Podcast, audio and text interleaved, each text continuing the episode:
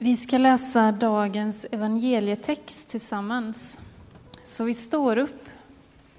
Och texten är hämtad från Lukas evangeliet, kapitel 9, verserna 46 till 48.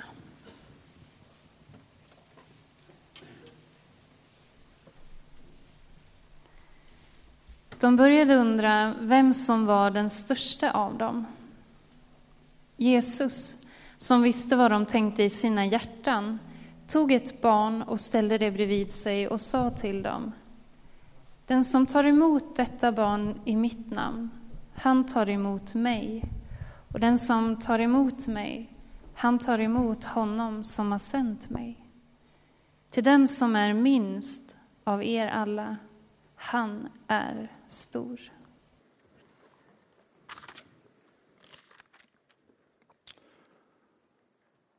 Ja, det är roligt att se er. Tyst och koncentrerat.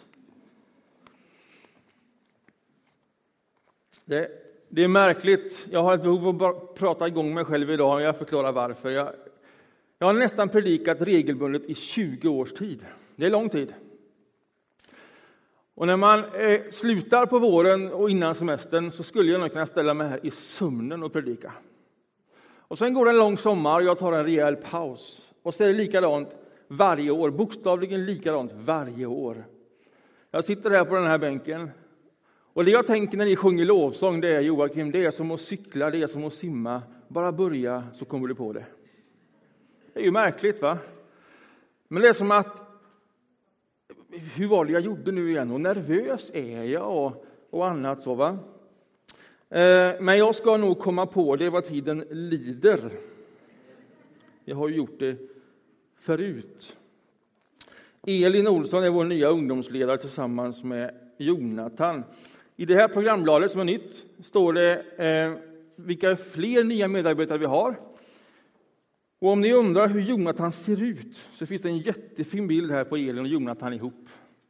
Och de gifter sig nästa lördag, här i kyrkan. Ja, visst.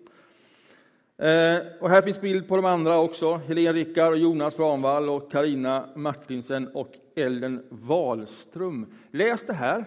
Eh, en liten hälsning från alla var. Och ta med det här och låt det här vara liksom ett material att be för det här nya gänget nu som ska formas under hösten och under det här året. Stora förändringar här bland de anställda. Ja, nu börjar det komma känner jag. Vi följer kyrkoåret. Eh, vi har gjort det ett tag och där finns det ett tema och så finns det ett par texter som är föreslagna och som man läser. Vi läser alltid från evangelierna. Eh, och när vi förbereder oss så läser vi alla texter inför detta. Och att någon har tänkt, det är ju helt klart. Någon har tänkt på texter och teman. Någon har tänkt att detta ska sitta ihop, detta ska vara en enhet. Men när man hör evangelietexten läsas av Elin idag och det temat som då är Andens gåvor idag så kan man ju fundera hur någon har tänkt. Hur sitter det här ihop med temat? Om det handlar om Andens gåvor, nådegåvorna, vad har det då med den texten att läsa som vi läste precis? Kommer ni ihåg den? Alltså, det som utspelar sig är att Jesus går ihop med sina lärjungar och sen känner han på något sätt vad de tänker. De säger det inte, det utspelas inte högt. Det är någonting som pågår i deras hjärtan eller i deras hjärna. Det är någonting de tänker om sig själva som han kommer åt. Han kommer åt den tanken, och den tanken som de tycks tänka om sig själva, det är vem av oss är störst? Och det kanske inte är så frankt som de tänker. Det kanske är mycket mer subtilt än så. Det kanske är mer så, nu har vi följt Jesus ett tag. Vem av oss är mest på det? Vem är mest hängiven? Vem är mest överlåten? Vem har offrat mest? Vem, vem av oss? Vem går närmast? Vem är först i led? Vem är det som man först ger frågan, kan du dela ut bröd och fisk? Vem av oss? Det går rätt bra för mig just nu. Alltså den typen av tanke, eh, saker som händer, det kommer han åt. Men det är ingenting som utspelar sig offentligt. Och när han kommer åt det, han känner det, och det kan man ju känna ibland utan att det sägs öppet. Så finns det ett barn, och det barnet ställer han framför dem, mitt framför alla dessa tankar om sig själv. Som stor. Så ställer han ett litet barn. Och så säger han bara till dem, titta på detta. Det här barnet, den som tar emot det barnet, den tar emot mig. Och den som tar emot mig, den tar emot honom som har sänt mig, Fadern. Detta barnet är det som är stort. Och så har han vänt på hela ordningen. Alltså det som borde vara stort för dem i deras tankemönster är inte hur bra det går för mig nu utan vad man ska använda detta bra till. Vem är stor? Detta barnet. Den behöver någon som lever i sin gåva, som betjänar, som följer Jesus Kristus. Koncentrationen ska vara där och inte här. Och så ställer han barnen framför dem, mitt i deras tanke. Vad har detta med andliga gåvor att göra? Detta är texten, detta är temat. Det finns en text till, och den är ju mera given. Den kommer från Första Korintierbrevet. Och där kan man ju förstå hur de har tänkt.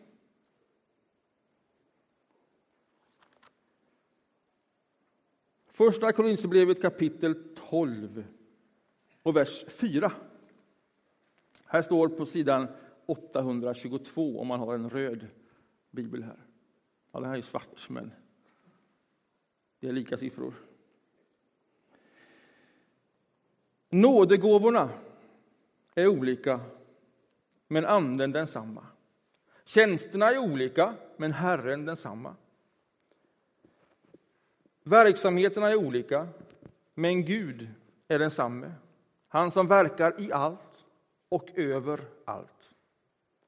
Hos var och en framträder Anden så att den blir till nytta. Den ene får genom Anden gåvan att meddela vishet. Den andra kan med samma Andes hjälp meddela kunskap. En får tron genom Anden, en annan genom samma Ande gåvan att bota. En annan får kraft att göra under, en får förmågan att tala profetiskt, en annan att skilja mellan olika andar. En kan tala olika slags tungotal, en annan kom, kan tolka tungotal. Allt detta åstadkommer en och samma ande genom att fördela sina gåvor på var och en så som den själv. Det här är ju mer intuitivt med temat Andens gåvor. Detta är vad det handlar om.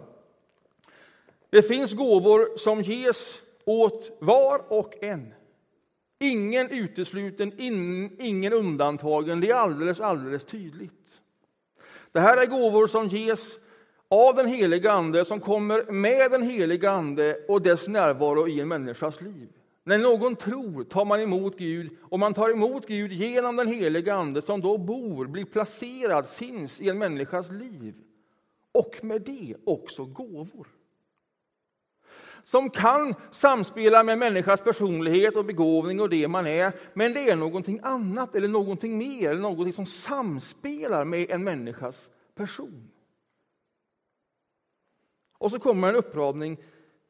Så här kan det se ut. Det här är gåvor som kommer med tron som kommer med den helige Anden. Ingen har förtjänat det. det är därför man är så noga med att säga nådegåvor, gåvor av nåd, gratis, som ges till alla. Det är ingen specialare för någon. Däremot kan det vara lite olika. Olika hur Anden framträder i en människas liv. Men att den gör det, det är ställt bortom allt tvivel. Anden verkar i oss. När vet man att anden verkar i oss? När vet man att man då lever i en sån gåva? Hur upptäcker man då en sån gåva? Jag tror, som med det mesta i livet, man läser sig inte till kunskap och sen när man läser och kan tillräckligt mycket, då bara kommer det. Utan man börjar leva, man börjar gå, man gör saker och ting. Och i de stegen upptäcker man, när det liksom är här jag är, den jag vill vara den jag kan vara. När det trycker på underifrån, när jag får ett stöd. När det egentligen var stort och kanske till och med omöjligt och ändå var vi där. När jag hade någonting att säga som tycktes vara mitt i prick i den stunden och i sammanhanget. När det händer, när anden fyller på, när anden framträder, då vet jag förmodligen, detta är mitt håll. Detta är en av mina gåvor. Och sen när man börjar upptäcka detta, att här flyter det på, då kan man fördjupa det och göra det mer och mer. Och så lär man känna den gåvan. Och så kan man utvecklas i det längs ett helt liv. Och kanske kommer det olika gåvor i olika tider i vad som behöver göras. Men att du har gåvor, så är det. Det är baseline, det är fundamenta. Att anden finns hos dig som troende, så är det. Frågan är bara hur låter vi anden framträda? Och här finns en uppräkning då på olika saker. Det finns fler uppräkningar. Man ska inte fastna i sån här uppräkning och tänka, vilken av de här, sex, sju, nio, är mina gåvor? För det kan se ut på olika sätt, som här i Romarbrevet. Där kommer en annan uppräkning. Romarbrevet kapitel 12. Vi har olika gåvor, allt efter den nåd vi har fått. Vers 6 och kapitel 12. Och så kommer uppräkningen profetisk gåva i förhållande till vår tro, tjänandets gåva hos dem som tjänar, undervisningens gåva hos den som undervisar, tröstens gåva hos den som tröstar och förmanar, gåvan att frikostigt dela med sig, att vara nitisk som ledare och att med glatt hjärta visa barmhärtighet. Här är det lite mer så konkreta gåvor. Gåvan att dela med sig, att vara nitisk som ledare, att med ett glatt hjärta visa barmhärtighet. Detta är ett typexempel på gåvor. Är inte alla ledare? Kan inte alla vara barmhärtiga? Kan inte alla dela med sig? Ja, men det är klart, alla kan göra detta och någon har en personlighet som vetter åt något håll och så vidare. Men här, vad som sägs här och vad man kan i tro gå in i, det är att i några av de här gåvorna så kan också anden trycka till, komma med en kraft och en vägledning så att man kan leda nitiskt i Guds kraft. Eller man kan ge frikostigt just därför att man har upptäckt att detta gör någonting och jag har den möjligheten. Detta är min gåva. Eller man är barmhärtig med ett glatt hjärta. När man är barmhärtig så går man inte därifrån alldeles bara utpumpad varje gång utan man känner att det gör också någonting. Men det, är som att, det är som att det fyller på när jag är just i den uppgiften. Och jag blir liksom självklar i den uppgiften och så vidare. Detta är andliga gåvor. Och här kan man säkert sitta och tänka på vilka är min gåva? Och så kan man tänka, ja, det är tydligt vem den gåvan är. Och den har den gåvan. Och man kan se någon annan människa framför sig. Och här kan man fascineras över människor som lever, som lever, verkligen lever i sin gåva och kallelse. Man kan fascineras över människor som som uppenbart lever i gåvan att leda, som är nitiska i sitt ledarskap. Som bygger stora församlingar. Och vi hör om det över hela världen och det bara knakar av tillväxt. Eller andra diakonala initiativ. Där det bara på något sätt är det där det händer. Eller här, oj, oj, oj vad man delar med sig och skapar möjligheter.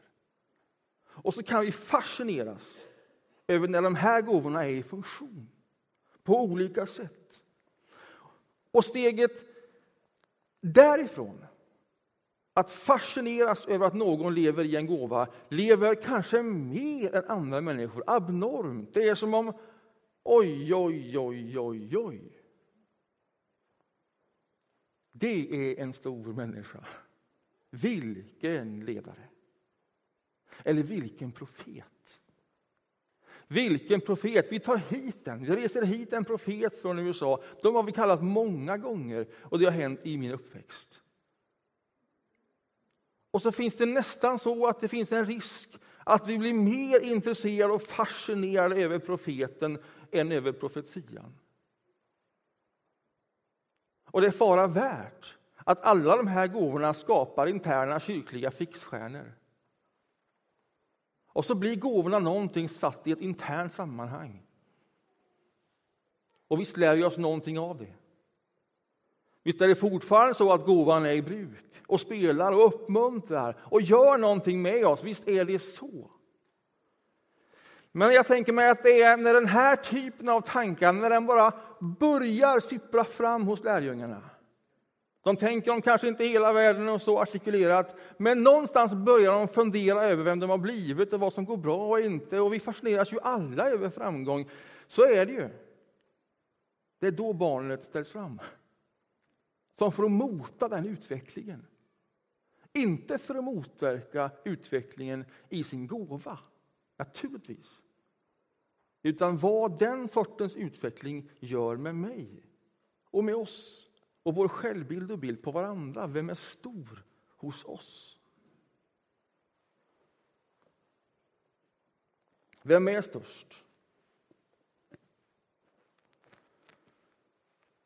För med Anden är det så att den framträder så att den blir till nytta. Det var ju Paulus ord. Och ska det bli riktigt spännande med andliga gåvor och ska det bli riktigt så som jag tror att det var och är ämnat då ska man hålla ihop Lukas kapitel 9 som vi har läst och första Korinthierbrevet kapitel 12. Därför att de två tillsammans blir mer än var för sig. När vi strävar efter våra gåvor, vilket vi ska göra och uppmuntra varandra till. När vi fördjupas i dem och liksom får fatt i den och känner att här går jag i min gåva, i en annans kraft. Och genom detta betjäna barnet, den minsta. När de två perspektiven förs ihop, när barnet är det som är stort, i meningen behöver ses, bäras och betjänas. Det är väl då de andliga gåvorna blir verkligt spännande. Sen börjar jag fundera över, vem är barnet? Ja, men barnet finns ju överallt.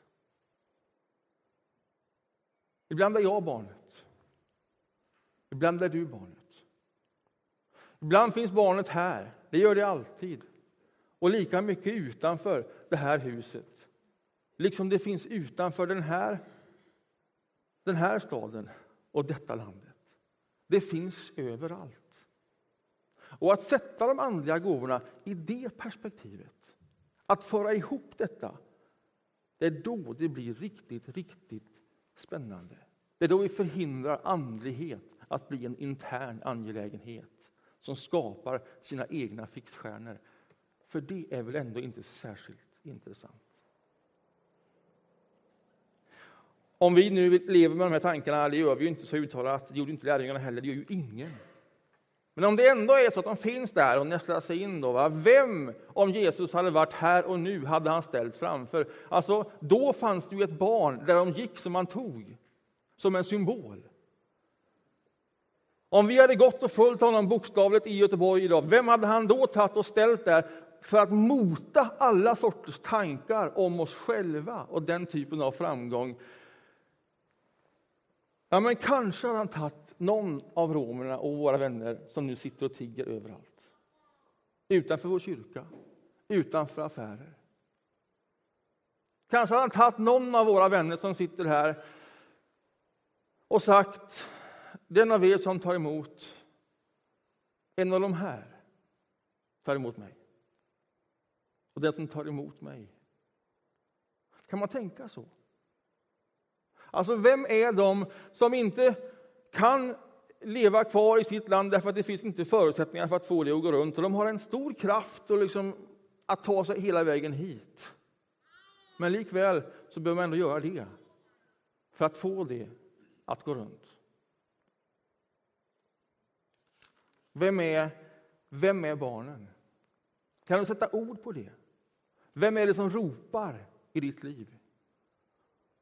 Vad är det som fäster fokus så att du vet åt det här hållet brukar jag det som jag har fått av något? Vem är det? När jag lyssnade på morgonekot i fredags så kommer det som man ofta hör, det handlar om olika konflikthärdar. Och sen kommer en fråga, och kanske nappar jag upp den därför att vi jobbar med den frågan tidigare i Göteborgs räddningsmission och här. Och så säger man, nu kommer det fler ensamkommande flyktingbarn än någon gång tidigare. Och det här någon gång tidigare, det använder man ju alldeles för ofta. Stämmer det? Är det svårare nu än någon gång tidigare? Det är en sån sak som vi bara säger. Och så kommer då en expert som talar för Migrationsverket och som säger, och ni ska få se den här grafen, för jag gick vidare sen och läste på deras hemsida. Så här ser det ut sedan 2004, sedan man började föra statistik över ensamkommande barn. De här barnen kommer primärt ifrån Eritrea, Afghanistan och Syrien naturligtvis. Flera av dem har varit på flykt i två års tid. Det här är barn och ungdomar. 2004 så kom det 388 barn för att söka asyl. Någonstans att leva och bo i Sverige på ett år. 2013 kom det 3 852 barn som söker asyl i Sverige. Det är en stygg utveckling utan något som helst trendbrott åt ett positivt håll. Och Det som fick det att bli en nyhet på Ekot på morgonen det är att det här är gammal statistik. Det här rör sig bara fram till början på maj. Och från januari till maj 2014 så har man tagit emot fler ansökningar, fler ensamkommande barn och ungdomar som kommer hit utan föräldrar eller i sällskap med annan anhörig. 70 procent fler än jämförande period föregående år. Och så har man gjort en prognos för det här året att man kanske skulle öka med så mycket. Men nu visar det sig att man får revidera prognosen. För lika mycket som man tog emot på hela året föregående år har man tagit emot hittills i sommar. Och man kommer förmodligen få revidera den upplevelsen, den, den siffran igen. Man trodde kanske 4 400 barn. Då trodde man i sommar kanske 6 600 barn, men nu tror man att det kommer inte hålla. Det här är ju spegling av hur vår värld ser ut. Och den världen den landar hos oss, mitt i vår stad, mitt här. Och hit kommer man och så säger experterna, och vi, vi ser idag inte någonting som skulle minska de här strömmarna hit. Så som det ser ut med konflikter. Och så kan man fundera över, vad gör vi med detta? Vi kan släcka den. Alltså om detta är hur vår värld ser ut också här. Om det börjar bli hur vår värld ser ut också här. Om detta skulle kunna vara en av de minsta. Om det här skulle kunna vara barnet som Jesus lyfter fram. Det finns naturligtvis många fler exempel att ge, men detta är ändå ett som hamnar här nära. Och som sen kommer att gå vidare ifrån en ansökan till ett beviljande om uppehållstillstånd och ungefär 80-85 procent av alla dessa barn och ungdomar som söker får. Det går vidare in i skolan, arbetsplats, samhälle. Här finns enorma utmaningar, inte bara nu, utan för många år framåt. Hur får man ett normalt liv om man har levt på flykt i två år ensam? Hur gör man för att inte ta med sig och leva i den typen av konflikt som var det som gjorde att man var tvungen att fly? In här. Så att man håller den konflikten vid liv. Hur tar vi emot nya människor i Göteborg så att vi inte på en gång i mottagandet särar och lägger dem där och dem där och så växer vi isär staden igen och ännu mer. Och ut. Alltså den typen av frågor kommer att komma hela tiden. Mer och mer och mer ju mer barn som kommer. Och här sitter ni, många av er, som finns i sjukvård, och skola, i företag och i kommun. Och, och alla ni på olika sätt, många av er, kommer möta det på många olika sätt och nivåer. Kan man sätta ihop Lukas kapitel 9 med barnet? Och första Korintierbrevet kapitel 12, de andliga gåvorna. Det är inte alltid vi gör det. Men kan man göra det? Kan man tänka sig att man ställer sig själv och församlingen och oss frågan vad är det som gör skillnad om vi lever i den gåvan som kallas för tro när det kommer till den här frågan hos oss? Vad skulle det göra för skillnad om vi är nitiska som ledare, vi som har den gåvan, i denna fråga? Vad skulle det göra för skillnad? Hur kan man undervisa så att det gör skillnad? Utifrån ett Gudsrikes perspektiv. Sker din vilja i himlen så också på jorden. Vad är det man kan säga? Hur kan man leva i en sån gåva? Hur kan man frikostigt dela med sig? Hur kan man med glatt hjärta visa barmhärtighet? Alltså, hur kan vi skjuta in allt det som Gud har gett oss i det som nu är en av våra stora utmaningar och kommer så att bli? Hur blir man en sån kyrka, en sån församling? För kyrka är mer än ett hus, det är ju vi. Och vi finns överallt i det här samhället. Så hur bekänner vi det? Detta är ett exempel. Jag talar om det här för jag lever i frågan under veckan. Det är min första arbetsvecka sedan liksom semestern. Och det första jag möter här är att vi har behov, vi har inte tillräckligt med kontor, vi måste bygga kontor för oss anställda, vi får inte plats. Affärshuset här borta, det läcker och, och, och, på olika sätt. För vatten och energi. Och vi måste göra någonting åt detta, ta ansvar för detta. Och så har vi fått ett arv, det fick vi i slutet på våren. Mycket pengar. Detta skulle vi kunna trycka in och bara lösa lite kontor och laga taket. Och så är allting bra och så bara fortsätter med verksamheten. Eller, eller, eller. Så har vi sagt varandra under våren, tänk om vi kunde ta det som vi ändå måste göra. Och göra någonting med det. Och med dessa pengar, och det kommer nog inte räcka utan för vi får hjälpas åt vidare. Men som när vi ändå gör någonting betjänar den här staden och inte blir en intern angelägenhet, även om vi behöver ha kontor. Men det är ju så tråkigt. Detta är det vi jobbar med i veckan. Och vi sitter i grupper och jobbar med fastighetsfrågorna. Och sen har vi också fört ett samtal med Smyrnakyrkan och med andra kyrkor i stan kopplat till stadens jubileum 2021. Ett stort jubileum. Där man vill liksom bygga in och bygga fram mjuka värden inför ett hundraårsjubileum 2021. Alltså hur kan vi skapa ett socialt hållbart Göteborg? Vad behöver vi göra för att bygga mötesplatser, bygga broar? Det är de stora frågorna. Där blev vi inte inbjudna, vi bjöd in oss själva. Och sen dess har vi med råge blivit inbjudna.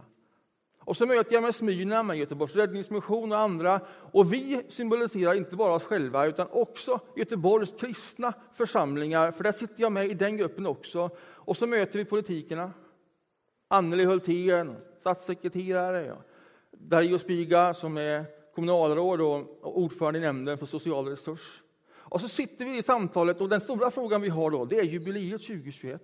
Och hur skulle kyrkan i Göteborg, den samlade kyrkan i Göteborg, i ännu högre drag bra, kunna bidra till den här stadens utveckling? Vilka är de utmaningar som ligger på bordet? Vad sliter man med nu? Vad löser man inte nu? Och vi berättar om detta, vår önskan, och vi har ett fantastiskt samtal under ett par timmar. Vi berättar om hur vi tänker med byggnader här och vi är öppna med allting.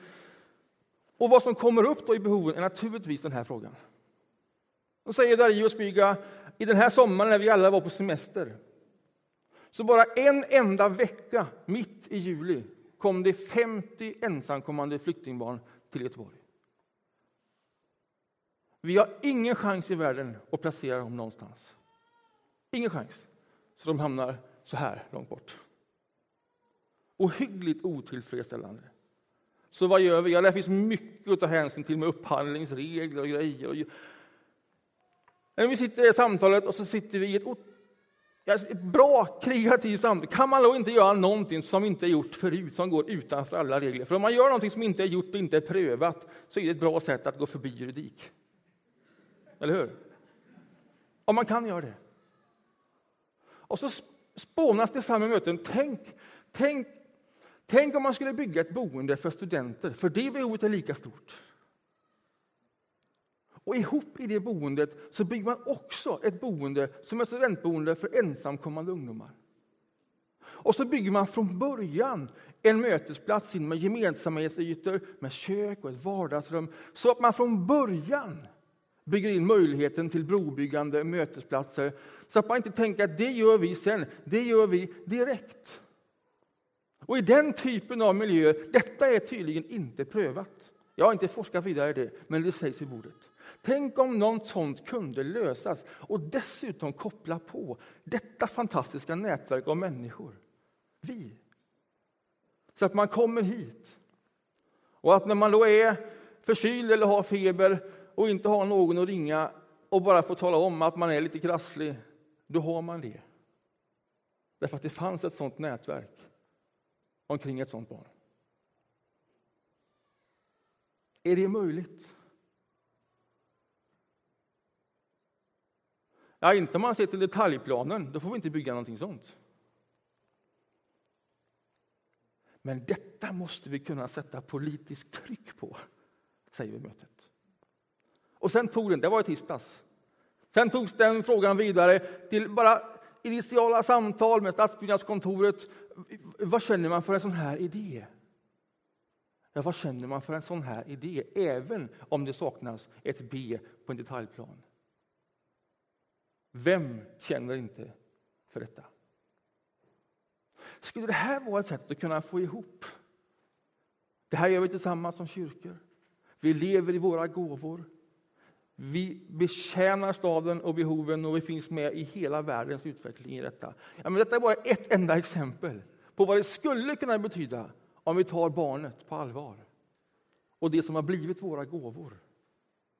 I bred mening och i andlig mening. Hur ser ett sånt ledarskap ut? En sån barmhärtighet, ett sånt givande. Är det här ett sätt att koppla ihop Lukas 9 och första Korinthierbrevet kapitel 12.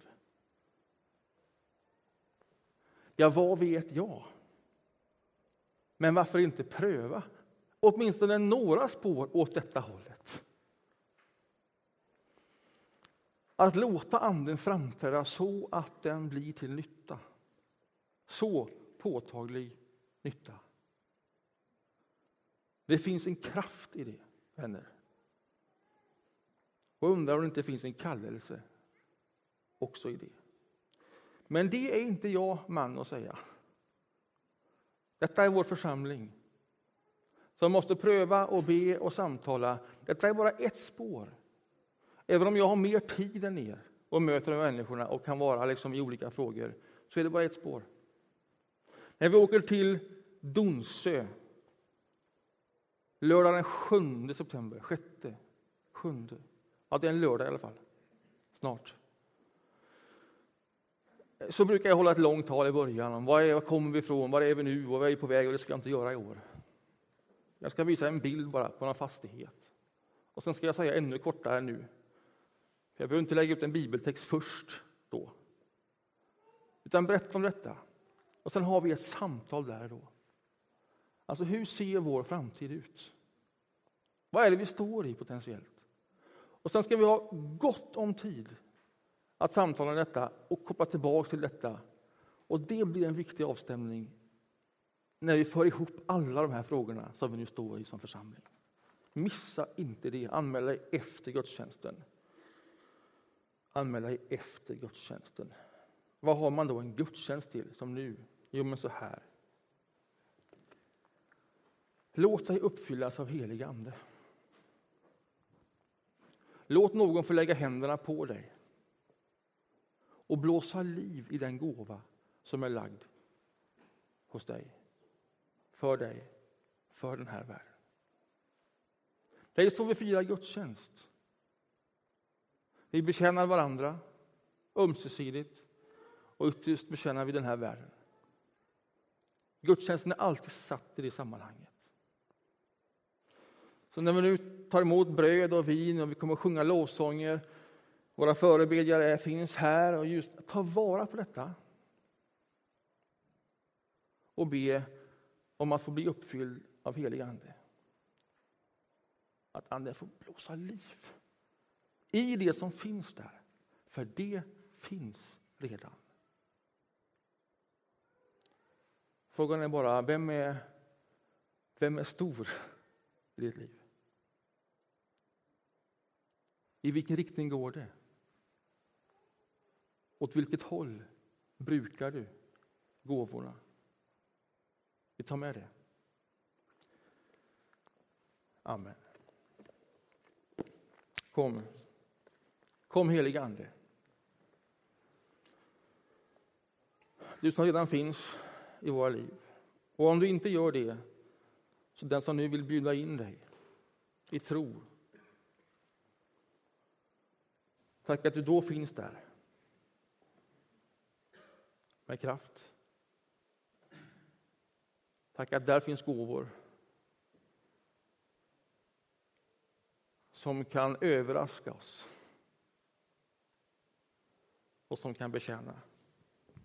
Amen.